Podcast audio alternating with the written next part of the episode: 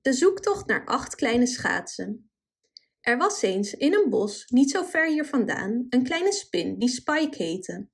Spike hield van allerlei leuke activiteiten.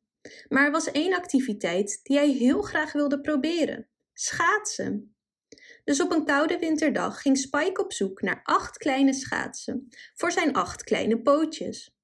Maar waar hij ook keek, hij kon geen schaatsen vinden die klein genoeg voor hem waren. Hij zocht onder boomstammen en stenen, in boomtoppen en grotten, onder de sneeuw en onder de modder, maar hij kon geen schaatsen vinden. Spike begon een beetje ontmoedigd te raken, maar hij gaf niet op. Hij vroeg iedereen die hij ontmoette of ze wisten waar hij schaatsen kon vinden. Het spijt me, Spike, zeiden de vogels. Wij hebben geen schaatsen. En zelfs als we die wel zouden hebben, zouden we niet weten hoe we moeten schaatsen. Het spijt me, Spike, zeiden de eekhoorns. Wij hebben ook geen schaatsen en wij zijn veel te bang om uit te glijden en te vallen op het ijs. Spike begon te denken dat hij nooit zou kunnen schaatsen.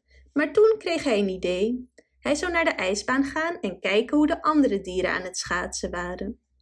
Dus haastte Spike zich naar de ijsbaan en keek toe hoe herten, wolven en beren rondrijden en gleden op het ijs. Het zag er zo leuk uit. En toen zag hij een oplossing.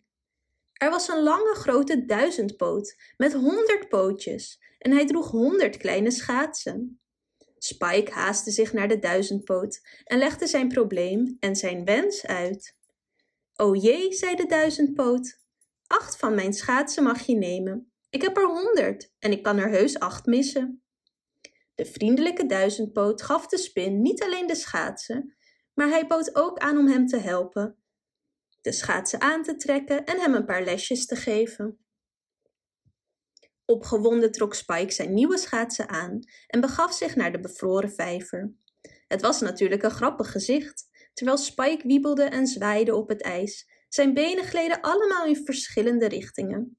Terwijl hij probeerde het schaatsen onder de knie te krijgen. Maar met een beetje oefening en hulp van zijn nieuwe vriend werd hij al snel een pro, glijdend en tollend over het ijs, net als de andere dieren. Vanaf die dag stond Spike bekend als de beste schaatser van het hele bos. En hij was zo trots op zijn piepkleine schaatsen dat hij ze overal droeg, zelfs op de warmste zomerdagen. Bedankt voor het luisteren.